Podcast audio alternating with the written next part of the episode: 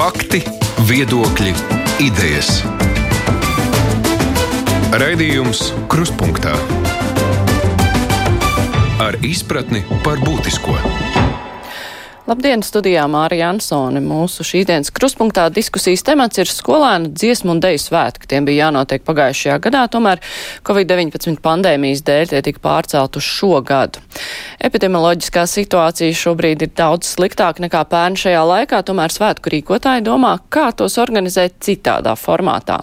Par svētku organizēšanas scenārijiem ar svētkiem saistīto epidemioloģisko drošību un gatavošanās specifiku mēs runāsim šodien raidījumā Kopā ar mums ir 12. Latvijas skolu jaunatnes dziesmu un deju svētku izpildu direktore Agra Bērziņa. Labdien! Labdien!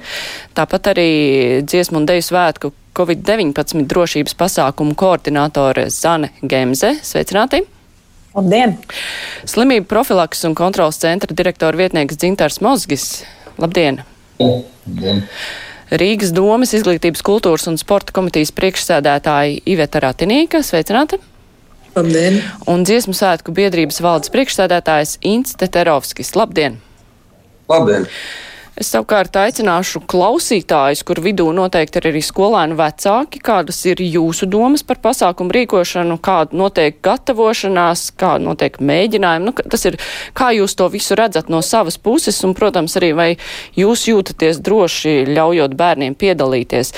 Bet vispirms man ir jautājums Bērziņas kundzei par šiem trīs scenārijiem, kādi ir eh, izstrādāti iespējamiem spē, svētku rīkošanai. Ko tie paredz un cik, vai tie ir saistīti ar epidemioloģiskā situāciju? No kā tas ir atkarīgs? Latvijas skolu jaunatnes dziesmu un dēļu svētku tradīcija ir aizsākusies jau pirms 155 gadiem ar bērnu dziedāšanas un rotaļu svētkiem Madonas pusē Lazdonas draudzē. Pirmo reizi skolēni savos tādos lielos svētkos pulcējās 1960. gadā. Un šobrīd, domājot par to, kādi varētu būt eh, svētki 2020. gadā, mēs radījām skaistu modeli, skaistus, visiem saprotamus svētkus ar eh, mūsdienīgu repertuāru, ar mūsdienīgām aktivitātēm, kurām bija jānotiek pērnu vasarā. Nu, diemžēl domājam uz priekšu, kā varētu izskatīties 2021. gada vasara, ņemot vērā to, ka pamatrepertuārs jau bija apgūts pagājušajā gadā, daļas eh, deju kolektīvu skates jau bija pabeigušās, pūtēju orķestru skates bija pabeigušās. Mums jau būtībā bija skaidrs, kādiem vajadzētu būt svētkiem. Un eh, tad, kad tika pārcelti, veidojām dažādus modeļus. Sākotnēji pirmie modeļi bija līdzīgi tā kā 20. gadā, pārnesot uz 21. bet jau rudens periodā sapratām, ka jāveido pilnīgi atšķirīgs jauns modelis. Tāds, lai būtu reāli īstenojams 21. gada vasarā, kad vēl bija tik daudz, daudz, daudz nezināmā. Un šobrīd, domājot par to, kādi varētu izskatīties dziesmu un deju svētki, viennozīmīgi ir skaidrs, ka tie nebūs tradicionālie tādi, kādus mēs visi esam paraduši sajust, izdzīvot, kad vienas nedēļas garumā Rīgā ierodas 35, 40 tūkstoši dalībnieku. Tad ir kopīgi braucieni, kopīga uh, emociju gūzma, nakšņošana uh, skolās, uz grīdas, kopā ar dziedāšanu, ar dziesmām, ar dejām, ar milzīgu pozitīvo emociju ladiņu. Tad šobrīd mēs plānojam, ka svētku nosacīti svētku notikumos, dalībnieki piedalās tikai vienu dienu. Kāds ir mērķis? Protams, lai mazinātu epidemioloģiskos draudus, saslimstības draudus, bet lai ļautu iespēju tiem bērniem, tiem jauniešiem, kuri ir apguvuši repertuāru, kuri šajā mācību gadā ir atkārtojuši individuāli, attālināti, strādājuši ar skolotājiem, lai tiem skolotājiem, kuri ir mudinājuši bērnus nepadoties, bet turēties kopā, lai tiem bērniem, kuri ir atkārtojuši dziesmu balsis pēc ierakstiem, kopā dziedot tikai attālināti ar savu skolotāju, lai varētu ļaut viņiem izdziedāt dziesmu kopkorī protams, krietni, krietni samazinātā dziedātāju sastāvā. Tātad viena diena, vienā svētku notikumā ar kopmēģinājumu un pēc tam ar svētku koncerta brīdi. Ņemot vērā, ka tā ir tikai viena diena, mēs saprotam, ka nav iespējams nodrošināt tradicionālo nakšņošanu. Es, es varbūt varu mazliet precizējošu jautājumu uzdot. Ja ir tikai viena diena, tas tīri praktiski būs tā, ka visi bērni, kas grib piedalīties, nu, atsevišķi kolektīvi, tad viņiem būs tas viens brauciens uz Rīgu, un ar to tieši viņiem tie dziesmu teju svētki būs cauri, bet nu tā, ka trīs mēnešu garumā tad visi paspēs atbraukt. Jā, tātad vienu kalendāru, viena kalendāra diena kad bērni ierodās vienā datumā, kalendāra datumā, nenotiek vairāki pasākumi. Uh, šobrīd mēs skatāmies uz laika posmu no 2. jūlija līdz pat 2. oktobrim. Tātad pakāpeniski būs reģionos pasākumi, folkloras kopas tiekas reģionos, reģionos tiekas mākslas programmas, mazākos sastāvos, mazākos dalībnieku skaitā. Cik, lieli, cik liels tad vienā koncertā var būt dalībnieku skaits? Nu, tās būs jāskatās pēc epidemioloģiskās prasības un nosacījumiem. Šobrīd mēs plānojam, ka ārpus telpām varētu līdz 3000 dalībnieku būt iekštelpās, kur ir septembra mēnesī plānoti pasākumi. Mēs ceram, ka varēs 200-300 dalībnieki.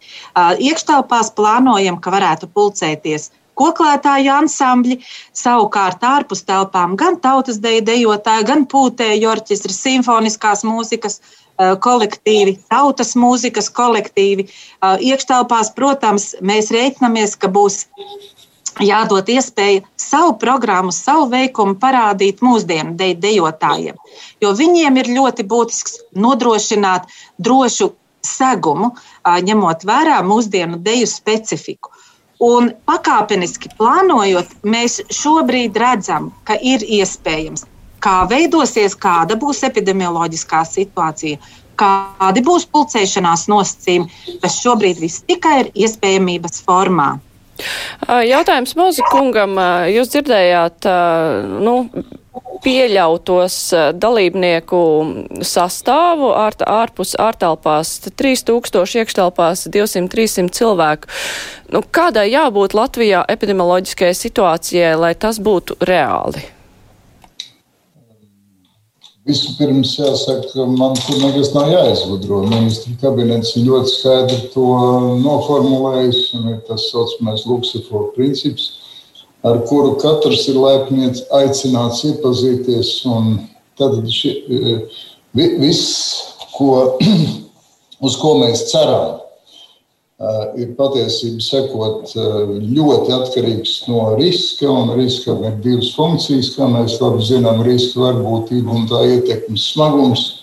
Un tikai pie, pie, pie tādiem nosacījumiem, ja šis riska, riska varbūtība un tā ietekmes smagums būs zemi, tikai tad šie pasākumi varēs notikt. Un mēs joprojām gribam ticēt uz brīnumu, bet brīnums pats nenāks, ja viss to nevedīs. Un tur nu, ir tas stāsts par to, cik labi vai cik godīgi mēs ievērosim ierobežojumus, cik ātri tiks sasniegt kaut kāda ietekme, ko pozitīvi varētu novērot jau, jau aptverot, nu, palielinot vakcinācijas aptvērumu. Un cerot uz to, ka vīruss nemutēs un uzvedīsies aptuveni tā, kā tas uzvedas pašlaik, ja ne, ne, ne, ne, neienāks kaut kāda jauna cēluma vai kāda cita nosacījuma. Tad vēlreiz uzsvēršu vārdu, ko tikko Agris kundze teica. Tā mēs runājam tikai iespējamības formātā. Proti, proti labāk ir, ka kāds plāns ir, jo atcelt var arī pēdējā brīdī, bet sarīkot nekāda nebūs iespējams, ja plāna nebūs. Bet, eh, bet, mēs ticam uz brīnumu. Jūs eh, minējāt tikko vārdu brīnums, bet uh, tas brīnums var notikt, uh, nu, ka situācija ir tik tālu uzlabojusies, ka, ka var ļaut satikties ne tikai vienam kolektīvam savā starpā, bet uh, vairākiem kolektīviem kopā. Jūs man liek, uzdodat pienākumu skatīties kristāla bumbā. Es īsti to nemāku. mm, profesionāli, veicot kaut kādu epidemioloģisko prognozēšanu, tīri teorētiski tas varētu iestāties. Bet um, tas, respektīvi, tur ir konkrēti, konkrēti datumi, par ko mēs esam runājuši rīcības komitejā. Un atkal to jums var labāk pastāstīs gan Agra, gan, gan Zane. Precīzi ne es, bet, bet kurā gadījumā tie riski tiek izvērtēti, izsvērti un domāts par to. Teorētiski tas pastāv šāda iespēja. Ratinīgs kundze, kā jūs domājat, vai ir uh, reāli un droši rīkot uh, šos svētku pasākums, ņemot vērā, ka tomēr tas epicentrs būs Rīga. Rīgā arī epidemioloģiskā situācija, diemžēl, ir sliktāka, un pat ja bērni nebrauc ar nakšņošanu, tā ir tikai viena diena, droši vien, ka būs arī, nu, tomēr kaut kāda organizēšana tur būs. Bērni ir jāpabaro vismaz. Kā jūs uz to raugāties no savas puses? Vairāk nekā skeptiski. Man arī jāsaka, ka man no rīta šodien uh, saimnes komisijā, uh, lai gan es vēlējos izteikties, nemaz uh, nepiedāvāju šo iespēju. Tad būtībā, diemžēl, es esmu skeptisks iespējams skeptiskākais no šeit klātesošajiem cilvēkiem. Lai gan Gemses kundze mums paredzēja zemu risku jau no jūnija vidus, tieši jūnija vidus ir arī tas brīdis, kad skolotāji dodas atvaļinājumos. Atkārtošu, un šobrīd nenotiek klātienē nekādas pulcēšanās un nekāda mēģinājuma. Es vēl teorētiski varu iedomāties, kā notiek kora mēģinājumi, varbūt tehnoloģijas to ļauj, bet man pilnīgi noteikti nav ne mazākās uh, iespējas iztēloties, kā varētu notikt deju kolektīvu mēģinājumi vai pūtēju orķestru mēģinājumi attālinātā formā. Uh, tātad pirmkārt jautājums, kas tad notiks ar to mūsu kvalitāti. Nākamkārt te tiek piesaukts nu, dažādās diskusijās par hokeja čempionātu līdzīgi, par dziesmu svētkiem un tam līdzīgi. Um, neesmu mediķis, bet man grūti iedomāties, ka pieauguši profesionāļi un uh, pusauģi uh, ir līdzīgi mm, uzticami mm, kāda burbuļu ievērotāji. Es domāju, ka tas, pret ko mēs atdurasimies, pilnīgi noteikti ir testēšana, jo bez testēšanas tas ir uh, ļoti cildena un ļoti skaista idejas saglabāšanas mērķa dēļ uh, apdraudēt nākamo mācību gadu. Un tas, ko, manuprāt, ir pilnīgi noteikti jāsadzird, kas tad ir mūsu mērķis. Tikai šīs visa vasara ar dziedāšanu un dejošanu, vai arī normāls mācību process nākamajā mācību gadā, jo mēs esam, nu, diemžēl, gandrīz vairāk nekā pilnu mācību gadu jau nu, imitējuši mācības normālā veidā. Tas ir, tā, tas ir viens aspekts. Ko darīs Rīga? Rīga ir uzticējusi Duriju aptauju, tātad gan kolektīvu vadītājiem, gan vecākiem, attiecībā uz to, vai viņi, kā viņi jūtas, ja nenotiek, kā viņi justos, ja notiek, vai viņi saskata kādu citu mm, iespēju, kā šo tradīciju saglabāt nerīkojot visus šos masveida pasākumus, es diemžēl nesadzirdēju, ka uz, līdz šim brīdim šis reģionālais princips ir izdomāts vēl reģionālāks. Tie joprojām ir jaunieši, kas dodas uz Rīgu. Ar atsevišķiem izņēmumiem, koklētājiem un, un folkloras ansambļiem, bet ne jau lielākā masa, kas ir, kas ir kor, koristi. Tie joprojām ir jaunieši, kas dodas uz Rīgu. Tie jaunieši, kas dodas uz Rīgu, piemēram, no Krāslos vai Kārsavas trijos naktī, labi aizbraukt līdz Rīgai, kas trīs vai četras stundas brauc ar autobusu, pēc tam kaut kur ēd, pēc tam kopmēģinājums, pēc tam pārtraukums līdz lielajam koncertam, pēc tam ceļš atpakaļ. Tie ir jaunieši, kuriem droši vien tajā brīdī būs, protams, visa diena jāpavada maskās. Um, Šie visi aspekti arī tur būs. Tie būs. Es nesaku, ka mums būtu jānorāda šis stop signāls, bet, uh, bet mīļie, mīļie draugi un mīļie cilvēki, Igaunija, kam mēs visi ļoti mēģinām gribēt līdzināties tajos brīžos, kad, uh, kad tas mums ir izdevīgi, nu, politiski vai kā tam līdzīgi, šos dziesmu svētkus ir atcēluši. Um, mēs līdz pašam pēdējiem brīdim ticēsim. Es arī gribētu ticēt. Politiski mēs šo lēmumu pilnīgi noteikti ne, nepieņemsim. Es ļoti ceru, ka arī ministru kabinets to pieņems tikai domājot par epidemioloģiju, nevis par politiku. Bet tas, kas ir svarīgākais, ir tas, ka šie bērni nebūs potēti. Ja tas ir tas briesmīgais britu vīrus, ka britu vīrusa paveids, kas mums te izplatīsies, nu, es negribētu, negribētu dzirdēt, ka kāds, diemžēl, mazliet pārkāpjot kādus nosacījumus, saslimst un aizved pēc tam uz šo vīrusu. Šobrīd nenotiek klātienes apmācības. Rīgā klātienes apmācības vispār es pieļauju neatjaunosies, jo šis uh, risks mums ir, piedodiet, nesalīdzināmi lielāks. Uh, Ko mēs darīsim? Mēs tagad veselus bērnus vedīsim uz Rīgu, kur ir nesalīdzināmi lielāks epidemioloģiskās nu, nestabilitātes un nedrošības risks. Es nezinu, ja es būtu sadzirdējis, ka, piemēram, tas ir konsekvents reģionālais princips, kur kurzemē, kurzemē, vidzemē, vidzemē, zemgale, zemgalē un tam līdzīgi. Un man būtu vieglāk noticēt, ka tas tiešām notiks.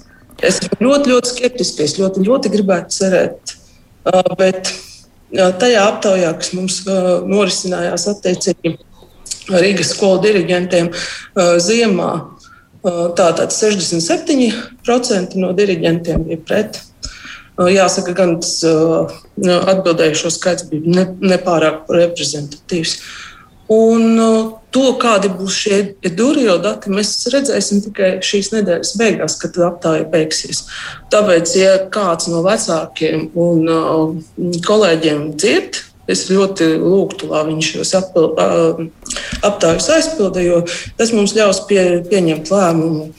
Ko Rīga dara un kādā apjomā um, daudz godprātīgāk un domājot nevis par nu, skaistu retoriku, Bet, bet nu, vadoties pēc tā, ko vēlas uh, potenciālie dalībnieki. Jā. Jā, man ir jautājums Gems kundzei.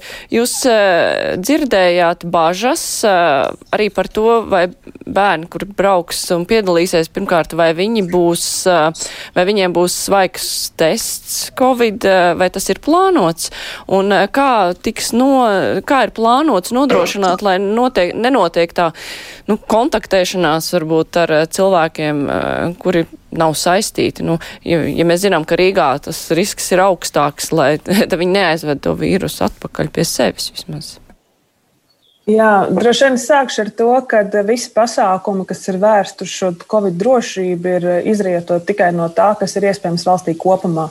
Un kā jau Mazga kungs pieminēja šo Luksforu principu, tas ir tā tāds mūsu zelta rādītājs, kuram mēs ļoti būtiski sekojam. Uh, Un es gribu uzsvērt, ka nekādus pasākumus, ja tie valstiski nebūs iespējami dēļ epidemioloģiskās situācijas, manuprāt, arī tiks pieņemts lēmums šādus pasākumus nerīkot. Man liekas, tas ir pamatu pamats, pie kā mēs ļoti stingri pieturamies.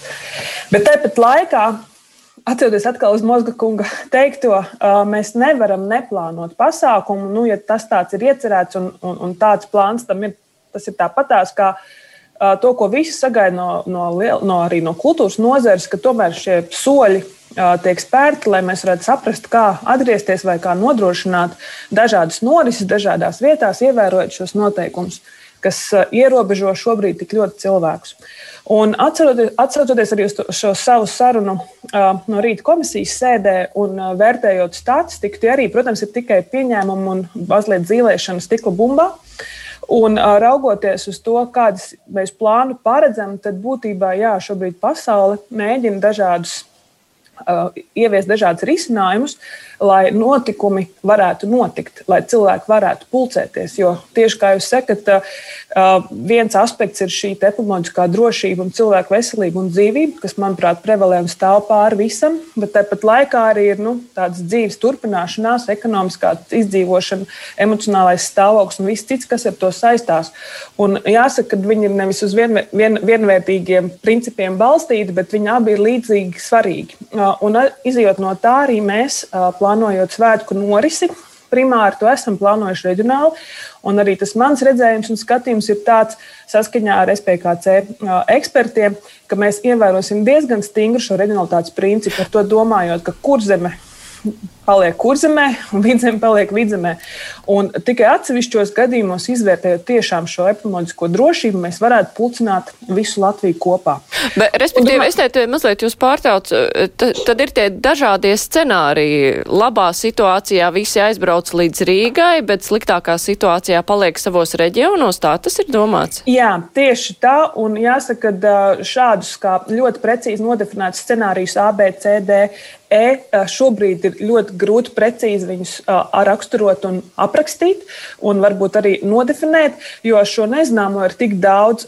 Tas, kā mēs rīkojamies, mēs rīkojamies ar tādu kā informācijas kopumu, kur tad mēs attiecīgi nu, piemērojam katrā no situācijām, kas nu seko. Un šeit atcaucos arī uz šo testēšanu, tad pasaules pieredze rāda tomēr to, ka šie testi ir kā viens no risinājumiem. Un man ir pilnīgi jāpiekrīt, ka testi nav simtprocentīgi. Ja mēs skatāmies uz bērniem, tad tas, ko mēs varētu izmantot, ir šis siekalu tests, kas patiesībā būtu vissaudzīgākais, bet jāņem vērā ir fakts, ka viņi neuzrāda simtprocentīgi šo precizitāti.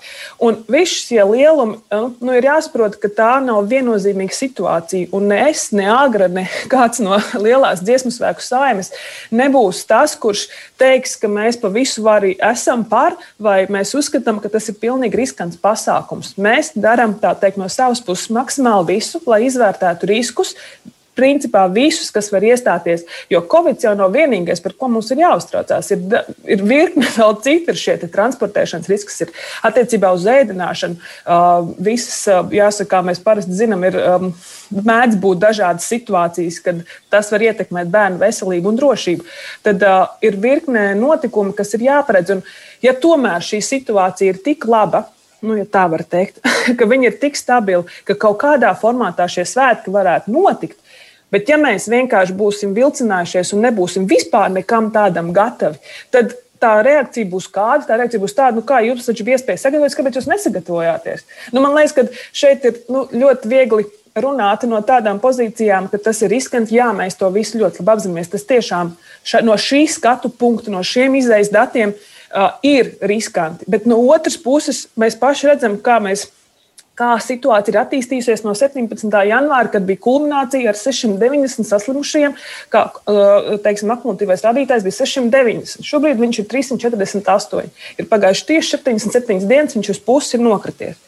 Protams, ka mēs ņemam vērā vai sastādot šos plānus, uh, ka atsaucamies tieši uz to arī šo pašu hokeja čempionātu. Jo kāpēc es viņu pieminēju savā sarunā? Uh, Ar to mēs nezinām, kā tas ietekmēs vispār Latvijas situāciju. Iespējams, tas neietekmēs nekā, iespējams, tas ietekmēs sliktāk, iespējams, mēs nezinām. Un tieši tādēļ šie visi daudzie faktori, kas vēl var notikt līdz brīdim, kad mēs runājuši par spētku, svētku norisi, nu, mēs neviens neesam gaišreģis. Un, un es domāju, ka tādām emocijām un tieši šādu, šādu formātu balstītu nekonstruktīvu, varbūt sarunas, man liekas, pat man gribētos izslēgt. Mēs operējam ar datiem, mēs skatāmies, kas mums ir pieejams, mēs domājam, ko mēs varam izdarīt esošajā situācijā. Un pat ja svētki, vienīgā iespēja, kas varētu notikt, ir, kad bērni nezinu, sapulcēsies un kopēji veidos savu mēģinājumu, atceroties to, ko viņi ir mācījušies pirms gada. Nu, ziniet, man liekas, pat tas varētu būt labs risinājums situācijā, kad liekas, ka viss ir praktiski neiespējami. Tā emocionālā tomēr sajūta, ko bērnam varbūt šis mirklis dotu, man liekas, būtu ilgspējošāks nekā teiksim, vispār pateikt, ka šo kustību mēs šogad nu, tā, teiksim, neattīstam un mēs svētkus aizliedzam principiāli. Tā kā pirms pieņemt šos lēmumus, es tomēr uh, aicinātu uh, mazliet dot vēl laiku uh, vīrusam, tā teikt, Atkāpties. Norimt, vai atkāpties.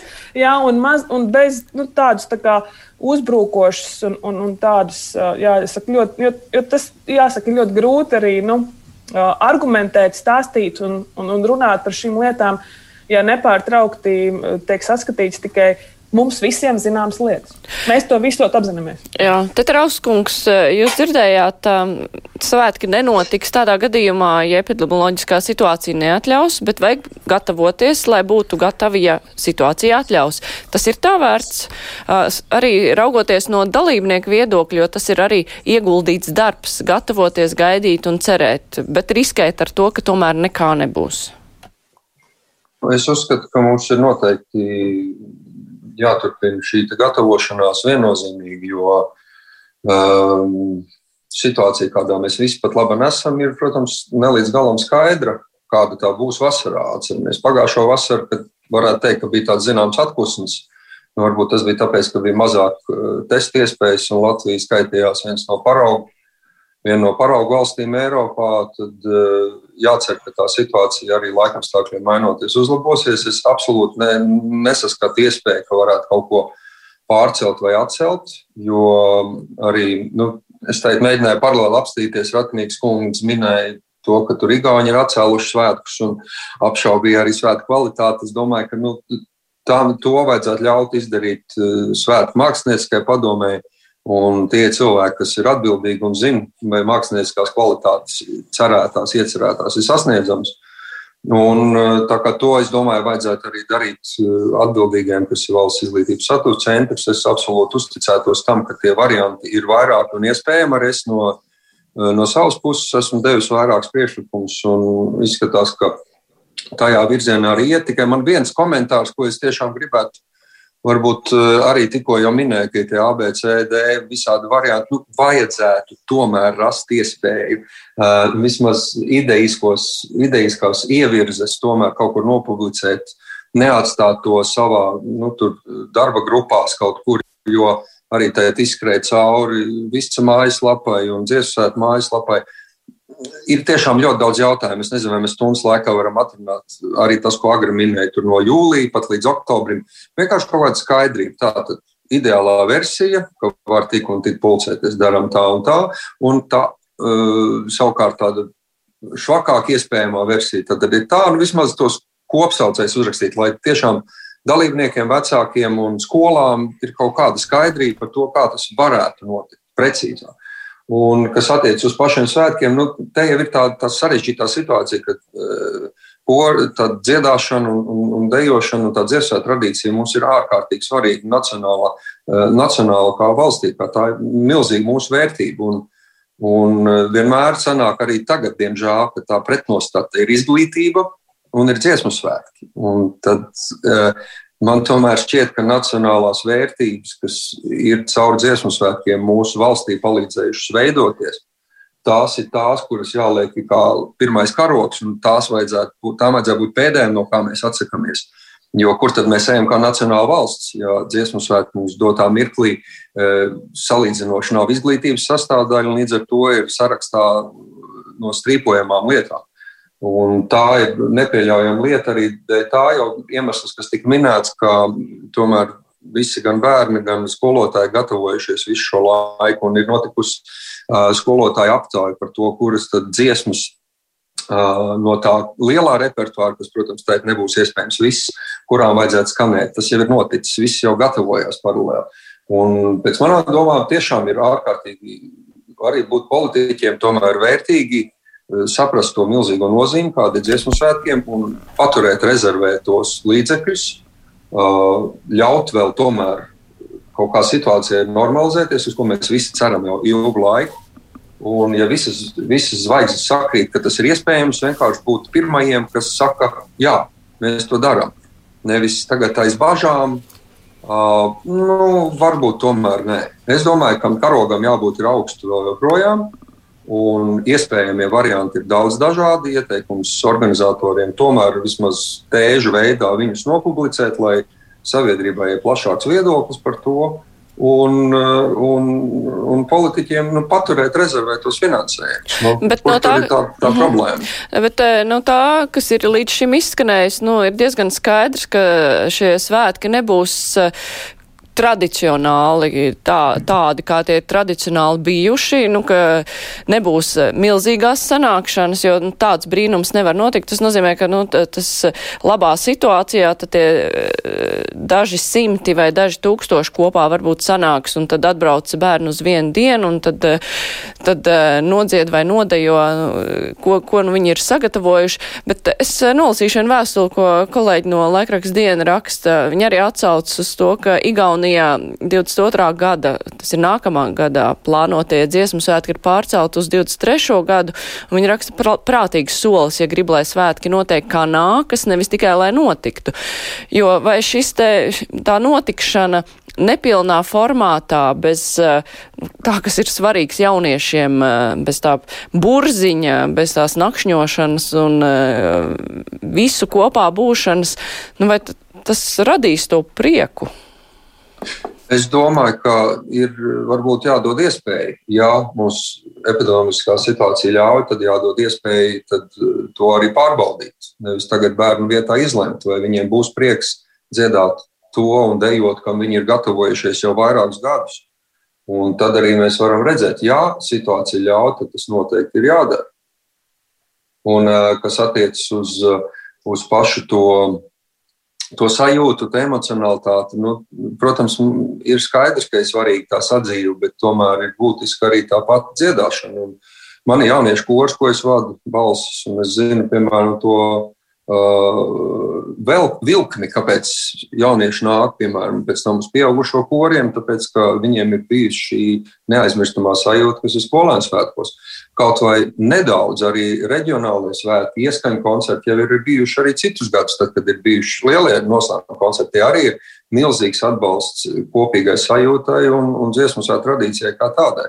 Jo, ja mēs tagad zaudēsim, šo, piemēram, šos svētkus, mēs zaudējam pēc būtības nu, gandrīz desmit gadi. Ir bērni, kas tas ir viena skolas paudze, kas svētkos nav bijusi. Nu, tā ir, pieņemsim, skatoties tā globāli nākotnes attīstības kontekstā, dziesmu svētku kontekstā, tas ir milzīgs rops, ko es nezinu, ar ko mēs varēsim pēc tam aizlīmēt. Un es saku, atceramies, tas jau nav tikai diriģentu vēlme vai Eh, tāda atsevišķa bērnu vēlme. Tas ir tā vesela milzīga saima, kas augst, eh, augst būt latvietīgā, latviskā vidē, augst parādīt sevi, augst Uh, dziedāt kopā, dejot kopā, jo mēs nevaram to aizmirst. Un mūsu uzdevums kā pieaugušo šī gadījumā, ja, ja tie būtu pieaugušie, varētu būt savādāk runa.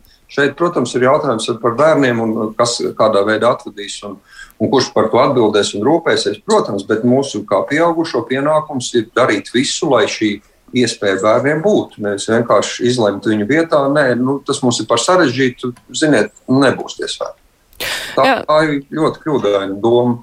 Jā, es atgādināšu klausītājiem un Latvijas televīzijas skatītājiem, ka šodien mūsu sarunā piedalās 12. Latvijas skolu jaunatnes dziesmu un deju svētku izpildu direktora Agra Bērziņa, svētku Covid-19 drošības pasākumu koordinātora Zana Gemze, tāpat arī Dzintars Mozgis no slimību profilaks un kontrolas centra, direktora vietnieks no Rīgas domes, uh, izglītības kultūras un sporta komitejas vadītāja Iveta Ratinīka un dziesmu svētku biedrības valdes priekšsēdētājs Inste Terovskis. Raidījums Krustpunktā. Mums klausītāji vaicā, vai kāds ir prasījis pašiem bērniem vecākiem, vai viņi grib. Eh, klausītāji raksta, ka viņu kolektīvs un kaimiņu kolektīvs nemaz negrib nekādu pulcēšanos, viņiem ir bail. Cita klausītāja raksta, ka viņai ir vecāks bērnam, kam šie būtu pirmie dziesmu svētki kā dalībniekiem, un viņi arī tic, ka svē, cer, ka svētki tiks pārcelti, bērni nav gatavi. Viņiem pēdējo reizi normāla muzicēšana, normāls mēģinājums bija pagājušā gada marta sākumā. Cita klausītāja raksta, ka mēģinājumi nenotiek jau gandrīz pusgadu. Daudzos kolektīvos, vismaz ārpus Rīgas, vairs pat nav zināms, kāds ir kolektīvu sastāvs, jo ne visus jauniešus uzrunā attālināt dejošana, dziedāšana. Bērziņš kundze, kā jūs apzināsiet, kurš vispār ir gatavs piedalīties? Uh. Protams, šajā brīdī pateikt precīzi, cik bērni, cik skolotāji ir ļoti sarežģīti. Mēs ļoti ceram, ka maija mēnesis būs tas laiks, kad varēs atsākties pakāpeniski interešu izglītības nodarbības. Šobrīd uh, ir 46, ja nekļūdos, pašvaldības, kurās jau var sākt pakāpeniski pulcēties. Tas ir jūnija mēnesis, kad būs iespēja rīkot bērniem nometnes, lai varētu tikties.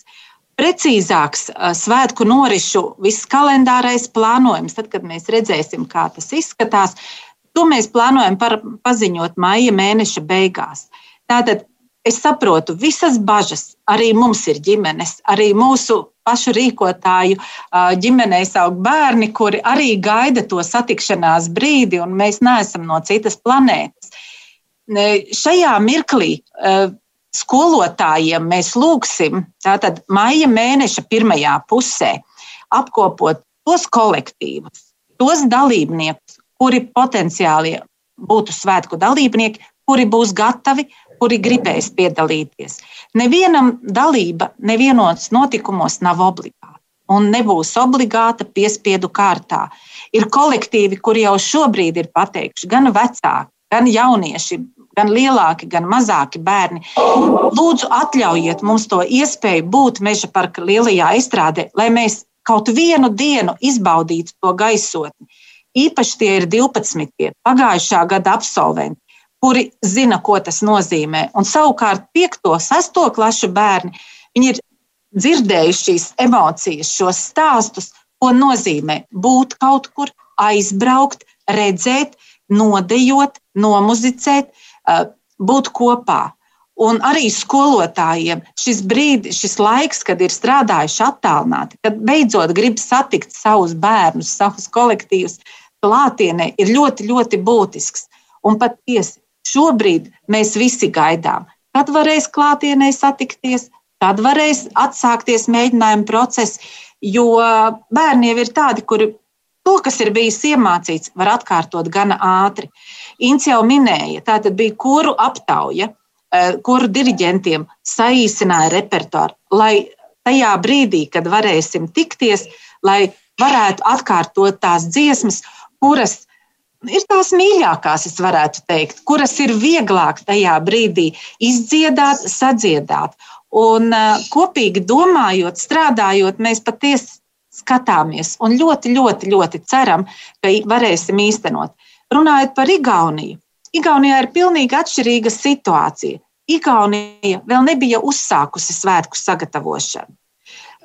Viņu svētku repertuāru vēl nebija sākuši kārtot, sākuši gaidīt. Viņiem ir pilnīgi cita norišu uh, plānošana nekā mums. Es arī tikos ar Igaunijas uh, lietu, Igaunijas uh, dziesmu svētku rīkotājiem, kur mēs pārspriedām iespējamo Latvijas modeli, iespējamo pārcelšanu. Viņi teica, viņiem to ir krietni vieglāk izdarīt, jo viņi vēl nav sākuši gatavot šos svētkus, kuriem vajadzēja būt 22. gadā. To viņi bija paredzējuši tikai sākt darīt šī gada septembrī. Un, protams, Igauni ļoti daudz mācās no mums par to, kā mēs plānojam, kā mēs darām. Tāpat arī lietuvieši plāno un skatās un mācās no mums. Jo nu, mēs esam Latvijā bijuši īpaši ar to, ka patiesi svētki vienmēr ir atšķīrušies. Gan ar uh, vēlmi dziedāt, gan ar vēlmi dejot. Nu jā, nu šajā gadījumā Igauni tomēr jā, viņi ir piesardzīgāki. Man jautājums Mozakungam, um, vai jūs nu, sekojat un pieļaujat, eh, nu, ka Latvijā arī varētu, kā nu, citās valstīs tur izmēģina rīkot šos te lielos pasākumus, kur visi nāk testēti un, eh, nu, eh, skatās, kā sadzīvot arī vīrusu apstākļos, tomēr ar kaut kādu lielu pasākumu rīkošanu. Latvijas speciālisti tam seko līdz, vēro, kādi rezultāti un pieļauj, ka pie mums arī varētu kaut tā, kā tā rīkoties. Kurā gadījumā nu, ir, protams, ka mēs sekojam informācijai, kur ir pieejama zinātniskajā literatūrā un redzam šos pētījumus.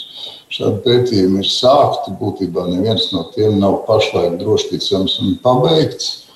Um, visas valstis meklē kaut kādus risinājumus. Mēs dzīvojam tādā ļoti interesantā, aizraujošā periodā, kad visi meklē kaut kādus pozitīvos variantus, kā no šīs šīs eh, dižķibeles saukšu tā, tikt laukā daudz maz saprotamā termiņā un laikā. Bet eh, joprojām nekādas eh, burvju noiņas manā rīcībā nav. Nekādas burvju noiņas pat tās institūcijas rīcībā, kuras pārstāv, arī nav. Mēs nevaram to pavicināt un, un teiksim, ietekmēt epidemioloģisko situāciju tā uz burvju mājiem.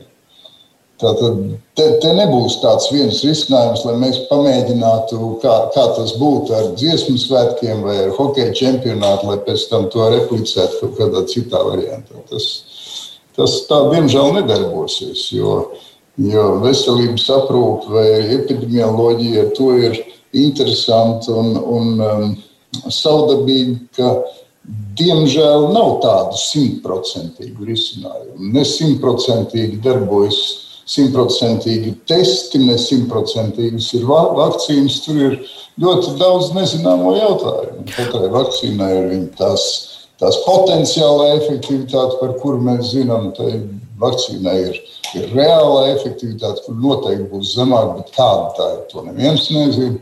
Tad ir lietas, kuras mēs varēsim vērot tikai nākotnē. Bet pabeidzot šo domu, ļoti viegli ir, vai, vai ta, tas nav tas pats sarežģītākais. Pateikt, nē, lēmums pieņems, punkts. Beidzam šo stāstu. Nu, un, nu, nu, tad esam beiguši. Teiksim, manā ieskatā pats svētki notiek pie situācijas, ka mēs dziedam pa telefoniem un, un sadziedāmies kaut kādā formātā. Bet svētki kā šeit ir jāmeklē risinājumi. Bet vakcinācijas, vakcinācijas process, ja tas kļūst straujāks, var kaut kā uzlabot eh, situāciju, padarīt cerīgāku? Nu, ir pirmais pētījums publicēts 29. martā par Skotiju, kas runā par to, ka vienas maisaimniecības locekļa vakcinācija samazina inficēšanās risku šajā maisaimniecībā par aptuveni 30%. Nu, jā, tas ir pirmais šāds pētījums. Cik tas ir droši ticams, nu, šis ir diezgan ticams. Mēs varētu ticēt uz kaut kādas kolektīvās imunitātes pazīmju iedarbību. Neapšaubām, kolektīvā imunitāte uz augustu mēnesi pilnā apjomā nebūs sasniegta, bet jau kaut kādas pazīmes varētu ierobežot. Nu, tur ir ļoti daudz nezināmu jautājumu. Ļoti Pirmām kārtām jau pašu vīrusu uzvedību. Mēs neviens nezinām, varbūt pašlaik jau vīruss ir nomutējis un eksistē kaut kāds Latvijas īpašs nejaukais cēlums. Ja? Pašlaik mēs rēķinamies ar B117. Mm -hmm. Kas ir lipīgāks bērniem, kas atkal ir nejaukāka ziņa, bet, bet šo, šo daudzo nezināmo, tas ir vienādojams ar ļoti daudziem nezināmajiem. Un, un saprotams, ka skepticismam ir vieta, tas ir racionāls, bet tam skepticismam jābūt racionālam, jābūt sa samērotam, salāgotam ar potenciāliem riskiem. Un neviens šeit, šeit nedomā par to, ka šie riski netiktu ņemti vērā. Tos cenšas rīcības komiteja maksimāli izvērtēt. Un, un pie situācijas, ja tie pārsniegs zemu risku, lēmums būs negatīvs. Mm -hmm. Nu jā, bet uh, droši vien, ka jārunā tomēr ne tikai par riskiem, bet arī par uh, dalībnieku un viņu vecāku gatavību piedalīties. Te jau vēstulēs mēs dzirdējām, ka nav notikuši mēģinājumi, ka bērni un vecāki baidās, ka kolektīvi varbūt nemaz negrib. Ratnīgs kundze Jūs minējāt, ka tā aptauja tad eh, par vecāku gatavību tā būs nedēļas beigās tikai, bet ir jau kaut, kādas, eh, kaut kādi pirmie rezultāti. Mums ir klausītāji arī vaicā, kur vispār var rīdzinieki nobalsot par to. Tātad uh, Edurijo vidē uh, ir sagatavotas trīs dažādas aptaujas uh, - kolektīvu vadītājiem, vecākiem un mācību iestāžu vadītājiem, kuriem attiecīgi ir jāsniedz vai atbalsts savu visā šajā organizatoriskajā procesā. Aptauja notiek līdz uh, desmitajam datumam. Uh, šobrīd dati, protams, man nav nekādā veidā pieejami, jo mums viņu, nu, aptauja nav beigusies, un es, man nav pieejas koda nu, jebkādā veidā jau savāktajiem datiem. Un, un šī aptauja bija izsludināta jau pirms lieldienām. Tātad, attiecīgi, tie, kas pārbauda savu e-klasi vai, vai kādu citu no šīm saziņas formām, kuras skola oficiāli izmanto, šeit viņiem šiem datiem jābūt. Tad es uzsveru vēlreiz, mēs runājam par Rīgu. Un tas bija nevis politiķu lēmums, ka ir vajadzīga šāda aptauja, un pilnīgi noteikti nevis mans, bet um, departamenta lēmums, par ko es viņus uzslavēju, mums būs droši ticami dati, cik liela šī vecāku vēlme uh, dažāda tipa kolektīvu vadītāja vēlme un mācību iestāžu vadītāja vēlme ir.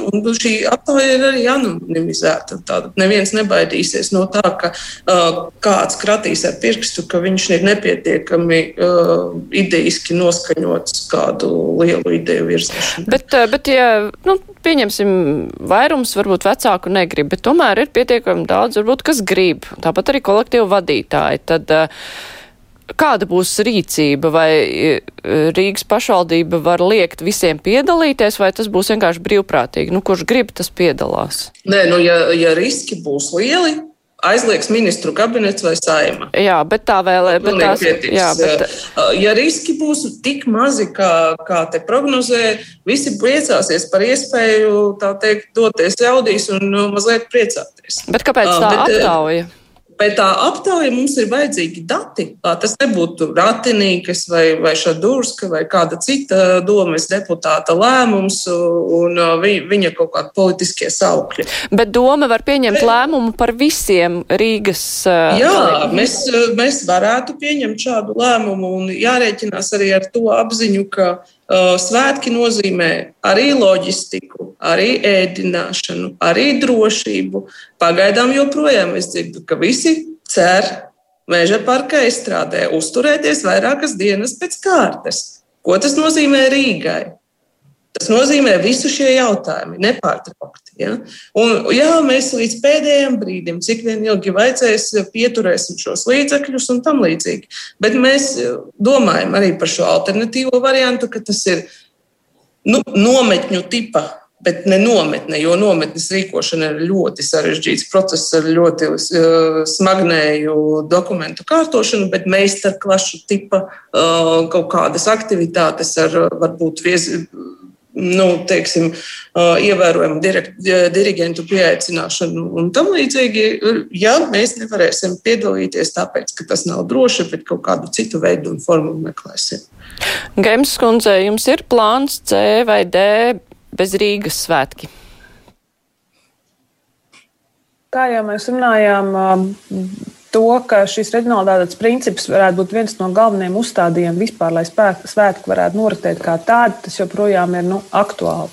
Un līdz ar to šis reģionālāts princips arī saglabājas pašai Rīgai. Nu, tad Rīga, ja visa pārējā Latvija, vidzemē, teiksim, vai reģioni, pilsētas ietverās, ietveros paši, tā teikt, arī nu, teiksim, mūsu organizēta kontekstā paši arī izdejo un izdzēra šos svētkus, tad Rīga nu, to nedarot vispār nemaz. Nu, tāds arī var būt, kad ja tāds ir uzstādījums vai tāds ir tas redzējums. Tad, nu, nu, jā, tad, nu, jā, tas nozīmē, ka Rīga, tad, ja tie ir tikai rīznieki, tad viņi šo svētku tradīcija turpina Rīgas ietverā. Es domāju, šeit varbūt mēs varētu skatīties gluži ne reģionālitātes principu, bet novadu un pilsētu kontekstā ar to domājot, ka pilsētas lokālie centri, kas mums arī zinām. Es pat esmu no Valmieras. Valmierā ir ļoti liela plaša estrāde, un Valmierā ir kolektīvi vairāk Valmieras rajonā, kas, teiksim, gan dzied, gan dejo, gan dara visu to, kas svētkiem piedienās. Un, un organizēt šo svētkus tā tādās lokāla principa formātā ir iespējams. Un, un šeit vēlreiz vēlreiz gribu atkārtoties, ka mēs ļoti būtiski vērtējam visus aspektus un riskus. Un, un Un, un šie riski jau tiešām nav saistīti tikai ar covid. Ir visi minētie iepriekšējā runātāja kontekstā, ir ļoti daudz aspektu. Ir dziesmu svētku tradīcijas turpināšana, ir loģistika, ir ēdināšana, ir teiksim, bērnu emocionālais stāvoklis, ir, ir teiksim, šie covid riski, ir epidemioloģiskā izplatība valstī. Ir tiešām ļoti daudz komponentus, un, un, un mums nevienam nav šī burbuļu nūjiņa, kas varētu pateikt, kā tad labāk turp vai šurp rīkoties. Bet kaut kāds zināms brīdis, kad šis lēmums ir jāpieņem. Uh, mūsu prātos ir nosprausts. Un, un, un mēs šo jautājumu tiešām skatāmies tā, no tādas iespējas vispār kaut kādā brīdī sagatavoties. Un ne jau tikai mums, kā organizatoriem, sagatavot, sagatavot šo spēku norisi, vai tā būtu lokāla pilsētas, reģiona vai, vai teiksim, novada kontekstā, bet arī tieši pašiem bērniem. Jo, jo tieši kā es skatoties, skatoties no tādas iespējamības prizmas, jā, viņi nav bijuši kopā, dejojuši dziedāšanu, varbūt var nodrošināt šo, caur šiem attālinātiem dažādiem tehniskiem līdzekļiem. Tad dejošana ir diezgan sarežģīta, lai to izdarītu. Un zinot to stresu, varbūt, kas var radīt bērniem, kad viņiem ir jādejo un viņi nav tam gatavi un ja netiek dot šī iespēja, ka viņi var sagatavoties, un šīs te, kā lai saka, nevis attālinātās mācības nav atjaunotas, kaut arī ārpusklašu izglītības kontekstā nav iespēja šo darīt, mums ir skaidri priekšnosacījumi, kas veido nosacīt šo lēmumu pieņemšanas procesu. Vienkārši šobrīd par to ir, protams, ka svarīgi runāt un, un šos problēmu lokus apzināt. Bet tajā brīdī, kad šis lēmums būs jāpieņem, būt vai nebūt šiem svētkiem, nu, būs jāņem vērā visi šie aspekti. Un, un man liekas, ka tas, ir, nu, tāds, tas būs tāds kolektīvs lēmums vai es gribētu teikt, atbildīga kopēji, jo arī no vecāku viedokļa tika izteikti bažas par to, nu, ka vecāki negrib, lai bērni piedalās. Tāpēc, ka bail ir no šīs saslimtības, un tas ir pilnīgi normāli. Un, un, un teiksim, tāpat kā cilvēki negrib vakcinēties, tā situācija ir saprotama. Un tad, attiecīgi no tā, kas nu būs, es gribētu teikt, uz tā galda un dienas kārtībā, uz tā kopējā visas informatīvās bāzes. No tā arī varēs izdarīt secinājumus un pieņemt un lēmumus. lēmumus jā.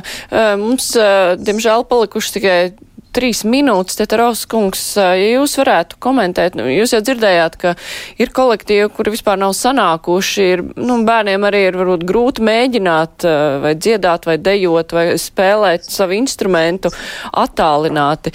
Vai nav bažas, nu, ka daudz kolektīvu vienkārši nebūs gatavi piedalīties, ka varbūt uh, ir kaut uz izjukšanas robežas, nu, ka tas jau ir sašūpojies. Tas, tas protams, ka ir risks, ir, ir, ir, ir, ir žēl klausīties, ka nenotiek kaut kāda mēģinājuma, jo principā lielākā daļa, ko es atkal pazīstu savus kolēģus, es esmu arī skolu koru virsdirģents Ventspilī.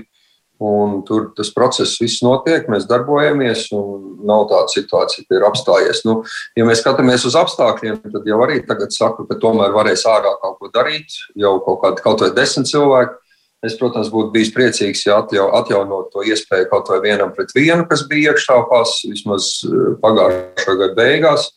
Jo tas arī jūs minēto instrumentu spēli daudz labāk. Nu, Mūzikas skolās var jau tagad, jā, bet varbūt Arī kaut kādā dziedāšanā tas ļoti daudz ko palīdzētu. Jo tagad šādā laika, šādos laika apstākļos, protams, varbūt silti apģērbies, var ārā dejot, varbūt ne, ne pāros, bet uh, dziedāt jau, protams, ka nevar ļaut bērniem šādā temperatūrā un šādos uh, laika apstākļos. Un dziedāšana ārā jau arī ir ārkārtīgi sarežģīts process, jo ir nu, jābūt smukai aizvēja vietai, lai vējš to, vējš to visu skaņu neaiznes. Tā kā tur ir vis visādi aspekti, kas var būt. Bet, uh, ir vairāk kā skaidrs, ka procesi vispār nav apstājušies. Viņi taču visi notiek. Un es nevaru saprast to kaut kādu uh, ziņu, ka tas nenotiek. Un, uh, jā, nu, es nezinu pat, kā lai to nokomentētu, kāpēc es, kaut kur kaut jā, kas ir apstājies. Vienīgais, ko es gribēju piebilst, bija sarunas laikā bija tāds uzstādījums vai jautājums par to, nu, kad, ja bērniem tagad nav iespēja tajos dziesmu piedalīties, vai tas viss, ko viņi darījuši, ir velti. Man liekas, ka tā situācija ir pilnīgi otrādā. Man liekas, ka bērni iet, dzied, dejo, spēlēt, lai sevi attīstītu, lai mēs rūpētos par to, lai sabiedrība būtu pilnvērtīga un izglītota. Un ne tikai teiksim, tādā zināšanu līmenī, bet arī ir emocionāli piepildīta un radīta persona, ja, kas rūpējas par kultūra vēsturiskām lietām un arī zinām tradīciju saglabāšanu. Un dziesmu svētki ir tā tāda kulminācija. Un ja tā kulminācija šādā vai tādā formātā kaut lielākā vai mazākā mērā ir iespējama, manuprāt, tas tomēr ir tāds savu veidu stimuls bērniem šo visu nepārtraukt. Un tajā brīdī, ka nu, tāpēc, kā atlētājs, nu, viņš jau arī iet un sporto savu prieku pēc savā ziņā un arī ar mērķi piedalīties sacensībās. Ja tās sacensības tiek pārceltas, viņš vienkārši turpina trenēties. Nu jā, jā tā motivācija jāpaliek. Bet uh, es savukārt uh, daudziem klausītājiem, to, kuri ir ļoti satraukušies par uh, iespējamu svētku rīkošanu vasarā, uzskata, ka tas tomēr ir pārdroši. Uzsvēršu, ka te jau daudzkārt tika norādīts, ka viss būs jebkurā gadījumā atkarīgs no epidemioloģiskās situācijas un nekas nenotiks, ja šī situācija būs nedroša. Es teikšu paldies paldies diskusijas dalībniekiem. Kopā ar mums bija svētku izpildu direktora Agra Bērziņa, arī Zana Gēmas, kas atbild par Covid-19 drošības pasākumu koordināciju, Dzintars Mozgas no SPKC, Iveta Ratanīka no Rīgas domas un Ints Teterovskas no dziesmu svētku biedrības. Raidījums izskan vislabu!